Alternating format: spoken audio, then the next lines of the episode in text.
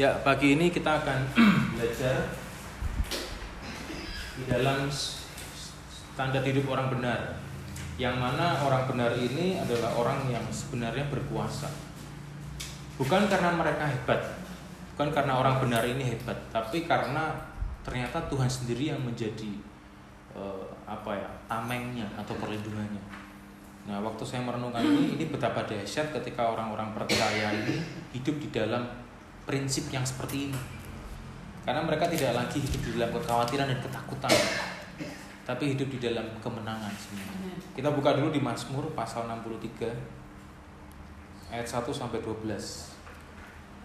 Mazmur pasal 63 ayat 1 sampai 12.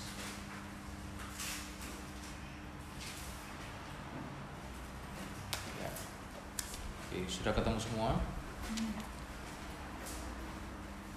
Saya rindu karena kita lama sudah tidak bertemu seminggu. Saya rindu untuk semangat ya, tetap semangat, ekspresif. Karena ketika kita merespon, kita meresponnya firman. Dan ketika kita kita merespon, lah respon itu akan masuk. Kita lebih memahami dan menghayati apa yang sedang firman sampaikan.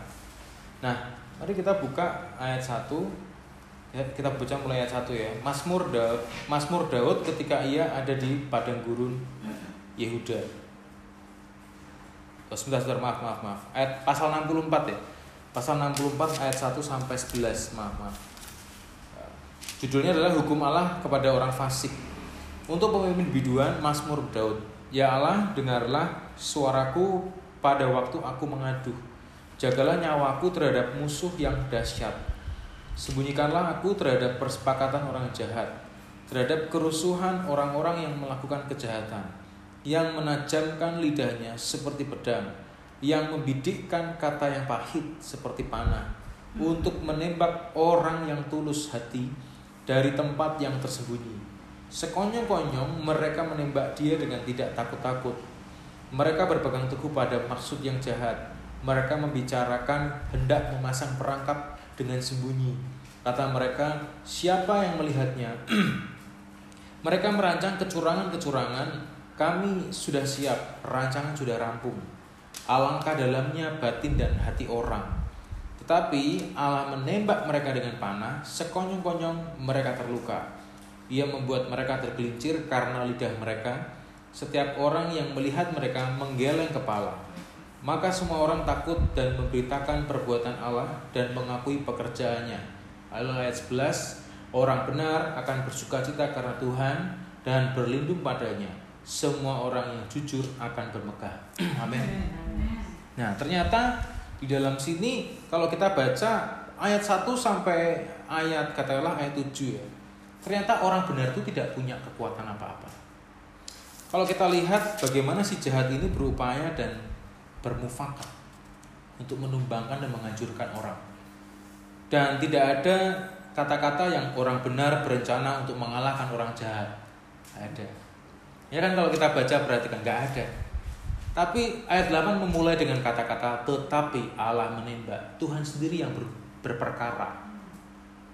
Jadi kalau kita hidup di dalam kehidupan orang benar, kita tidak merencanakan pembalasan Bapak Ibu apa yang dibangun oleh iblis, senjata apa yang dibangun oleh musuh tidak bisa menghancurkan kita. Amin. Karena ketika kita hidup di dalam orang benar, kita menjadi orang benar itu sendiri.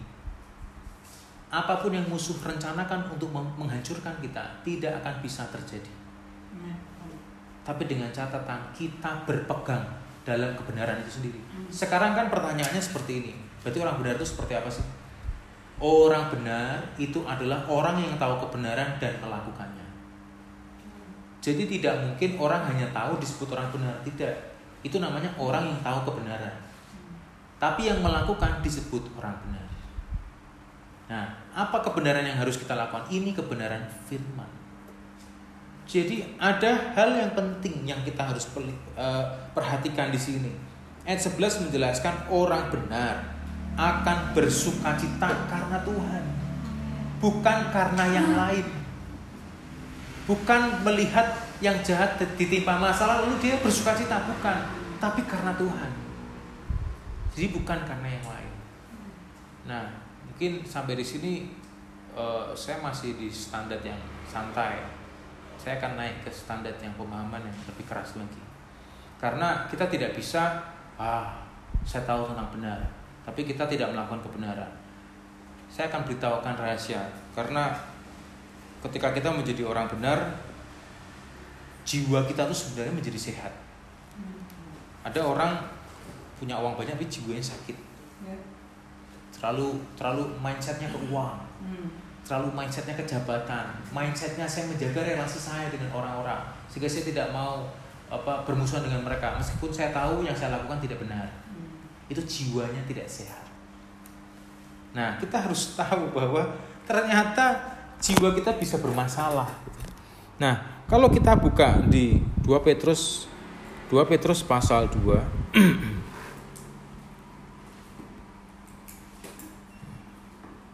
2 Petrus pasal 2 mulai ayat yang ketujuh.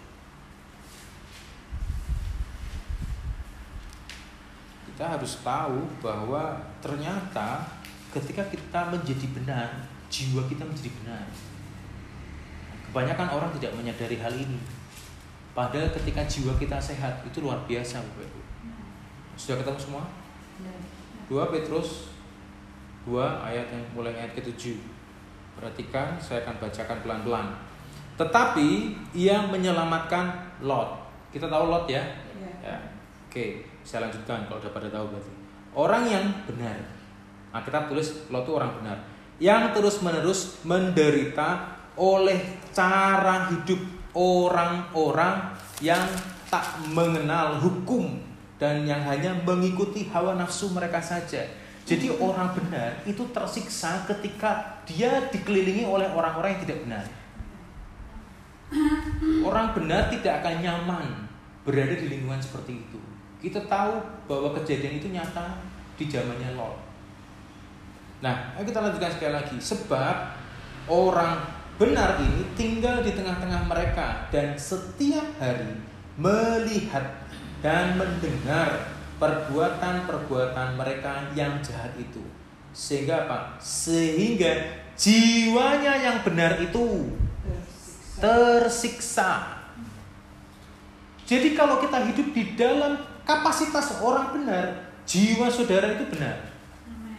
Jiwa kita sehat. Alkitab katakan waktu itu Yesus bilang sebalah Tuhan Allahmu dengan segenap hatimu, dengan segenap jiwa, dengan segenap akal budi. Hati itu bicara tentang roh kita, dan jiwa itu bicara tentang jiwa kita. Jadi kalau kita bagaimana kita menyembah Tuhan, bagaimana jiwa kita menyembah Tuhan kalau jiwa kita tidak sehat? Kalau jiwa kita tidak benar, itu sebabnya kita tidak bisa berhenti sebagai orang Kristen. Kristen itu tidak menyelamatkan. Kristen itu agama, itu label. Yang menyelamatkan adalah bagaimana kita hidup di dalam firman itu sendiri. Nah, ini sudah mulai naik ya. Jadi kita harus harus memaksa diri apa yang harus saya makan? Nah, kalau saya bilang makan, jangan konotasinya makan nasi ya. Tapi makan itu makan firman. Jadi saya kasih tahu di awal supaya kita lebih, saya lebih mudah ngomong. Jadi apa yang kita makan dari rumah rohani, dari rumah Tuhan, dari Gunung Sion, apa yang kita makan? Ya itu yang harus kita kerjakan. Jangan kita makan, kita turun dari Gunung Sion, kita lepas. Karena tidak ada kehidupan di luar firman. Di luar perkataan Tuhan tidak ada kehidupan. Kalau Tuhan tidak bicara jadi A, tidak akan A itu ada. Nah, sekarang Tuhan sudah banyak bicara tentang kebenaran di dalam firman. Kita semua rata-rata sudah tahu. A, tidak boleh begini, hormati hari sabat, lakukan yang benar, kalau begini, begini. Kita semua sudah tahu hukum itu. Nah, lakukan saja Bapak Ibu. Saya rindu setiap orang yang terhubung ke tempat ini memiliki kehidupan yang berbeda daripada dunia memiliki kehidupan yang yang menuju kepada kehidupan yang sebenarnya. Saya pernah sampaikan sedikit kan tentang ini. Bagaimana kehidupan sebenarnya itu? Itu kehidupan yang yang masalah bukan lagi masalah, pergumulan bukan lagi pergumulan. Itulah kehidupan yang sebenarnya. Itu kehidupan yang dimerdekakan oleh roh. Nah, sekarang kita lanjutkan sekali lagi.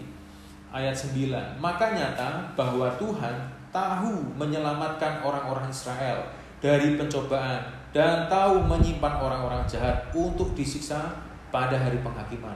Terutama mereka yang menuruti hawa nafsunya karena ingin mencemarkan diri dan yang menghina pemerintahan Allah. Nah, perhatikan ternyata ada eh, kita lanjutkan selesai, selesaikan dulu ayat 10 ya. Mereka begitu berani dan aku sehingga tidak segan-segan mengucap kemuliaan. Nah, perhatikan di ayat 10. Kata-katanya seperti terutama mereka yang menuruti hawa nafsunya. Orang yang terlalu mencintai kedagingannya, mereka itu sama dengan menuruti hawa nafsu. Apa yang dimaksud kedagingan? Sifat-sifat daging terlalu mencintai diri sendiri, terlalu menjunjung harga diri, tidak mau disenggol hatinya, tidak mau ditegur, suka di comfort zone atau zona nyaman. Ini adalah orang-orang yang menuruti hawa nafsunya karena keinginan roh itu berlawanan dengan kenyamanan dunia, iya. Keinginan roh berlawanan. Kita harus paham bahwa apa yang roh, roh mau, apa yang Tuhan mau dalam diri kita, kita harus berani melawan itu. Oh, saya lebih mending hari hari Minggu ibadah di rumah saja lah daripada datang. Comfort zone. Oh, sama aja, sama di sana sama di sini. Kalau di sana ngantuk ketahuan di sini ngantuk gak ketahuan misalnya seperti itu contoh contoh. Jadi saya lebih mending di rumah saja nggak bisa. Mengapa saya tekankan untuk ibadah itu onsite? Karena hadirat Tuhan itu nggak bisa ditipu. Pengurapan itu tidak bisa ditipu. Jadi itu itu itulah sebabnya kita harus datang onsite. Alkitab juga menulis jangan jangan kau keluar dari perkumpulan perkumpulan eh, perkumpulan itu dimaksud persekutuan. Jadi ada ada masanya kita berkerumun dan ada mas masanya kita sendiri yaitu waktu menginjil.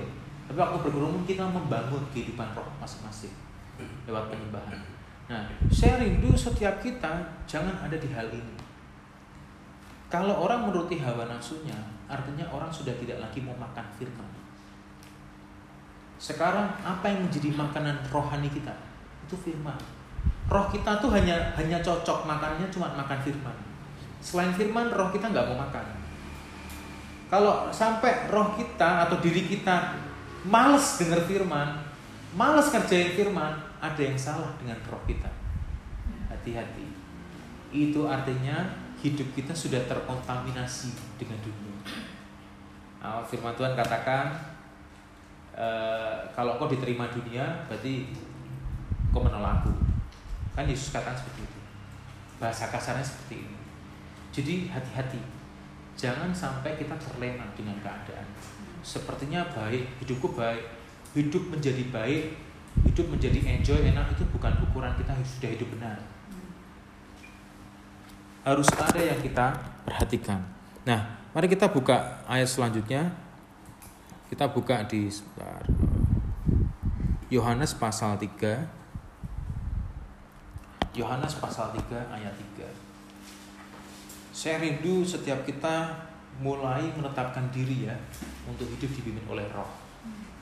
Karena selain roh, maksud saya roh kudus ya, selain roh kudus, maka yang ada roh dunia. Supaya kita tidak dipimpin oleh dunia, maka kita harus menetapkan dalam diri untuk dipimpin oleh roh, roh Tuhan sendiri. Yohanes pasal 3, kita mulai dari ayat 3 sudah sudah ketemu semua? Oke.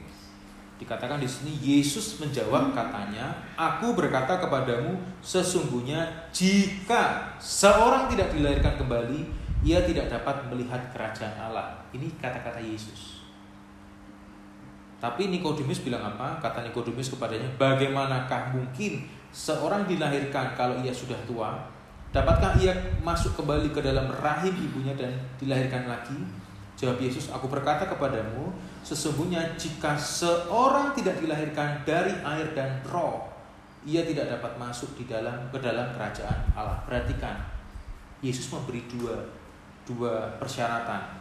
Kalau tidak dilahirkan dari air dan roh. Sekarang bagaimana orang dilahirkan dari roh? Apakah hanya cukup berbahasa roh? Oh, saya rasa tidak. Harus sampai dipimpin roh dalam hidup kita. Tapi kebanyakan orang Kristen berhenti sampai di mana? Kan, di air. Baptis air. Mereka orang yang baptis air akan bertanya seperti Nikodemus, gimana caranya? Karena mereka tidak melihat secara roh. Yesus melihat sekarang waktunya menuai. Murid-murid katakan apa? Enggak Tuhan. Tiga empat bulan lagi. Apa yang Yesus lihat itu yang di alam roh. Mengapa ukuran di alam roh ini tidak bisa diterima murid-muridnya? Karena mereka belum lahir lagi. Hari ini kita sudah terima roh kudus semua. Ini waktunya kita hidup di dalam roh itu sendiri. Sehingga kita dikatakan apa? Orang benar. Untuk apa hidup kalau tidak jadi orang benar? Orang benar loh Pak, bukan orang baik. Jadi saya rindu setiap kita yang terhubung di tempat ini, kita makin lama mengalami pertumbuhan rohani yang jelas. Yang saya tidak akan membawa materi ini hanya berputar-putar kepada isi hati Bapak Ibu semua. Tidak. Bagaimana memanage perasaan, bagaimana supaya tidak sakit hati, bagaimana tidak. Itu itu urusan darah dan daging. Kita harus hidup di dalam takarannya yang Kristus mau. Kalau Kristus mau kita hidup di dalam kapasitas ini, kita harus bergerak di sini. Itu sebabnya mengapa Paulus tidak goyah meskipun dia karang kapal, dia terkatung-katung di laut, dia terpenjara, dia dicambuk. Mengapa Paulus tidak tidak gentar? Karena dia tahu bahwa uh, ini yang aku harus terima untuk menjadi orang benar. Kita harus berani Bapak Ibu hidup di dalam kapasitas orang benar. Apa pun resikonya. Ya.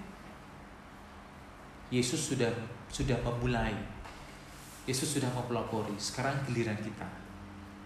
Karena ketika kita jadi orang benar ini dahsyat. Nah, satu ayat lagi kita buka di di Mazmur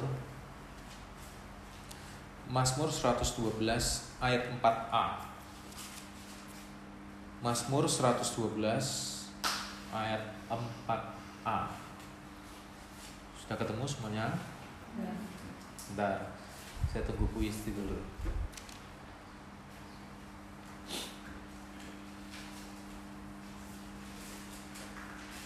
Oke, Mazmur 112 ayat 4a.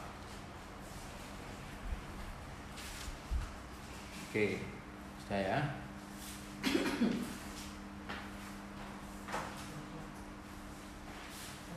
Oke, saya bacakan di dalam gelap terbit terang bagi siapa? Orang benar. Kira benar. Meskipun jatuh tujuh kali, yang delapan kali bangkit bahasanya seperti itu. Itu orang benar. Enak gak Pak Bu? Enak. Tidak ada lagi yang bisa menahan kita kita harus hidup sampai iblis tidak bisa menjadi tantangan terbesar hidup kita. Kita harus ada di level new level, no devil. Level rohani yang baru tidak lagi iblis bisa mengganggu kita. Amin. Kita harus hidup di dalam perjalanan rohani yang seperti itu. Itu sebabnya hari ini saya menetapkan kita harus ada di level orang benar.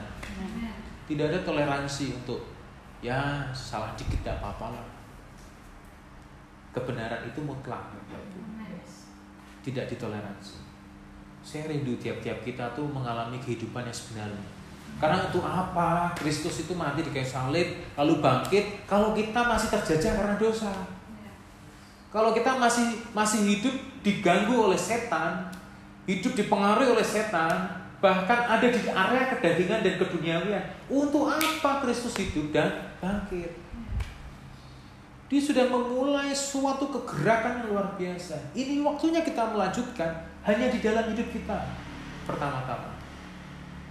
Jadi saya rindu karena Kristus sebenarnya kita yang tidak benar ini jadi benar. Nah kita buka uh, firmannya di kitab Roma. Kita buka di Roma. Roma pasal pasal 5 ayat 18 dan 19.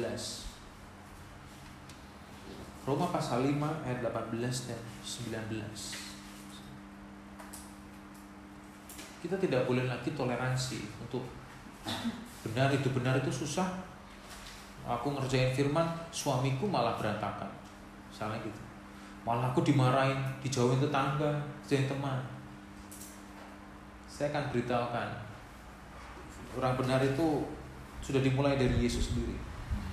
Roma, Roma 5 ayat 18 sampai 19 sebab itu sama seperti oleh satu pelanggaran semua orang beroleh penghukuman Demikian pula oleh satu perbuatan kebenaran, semua orang beroleh pembenaran untuk hidup.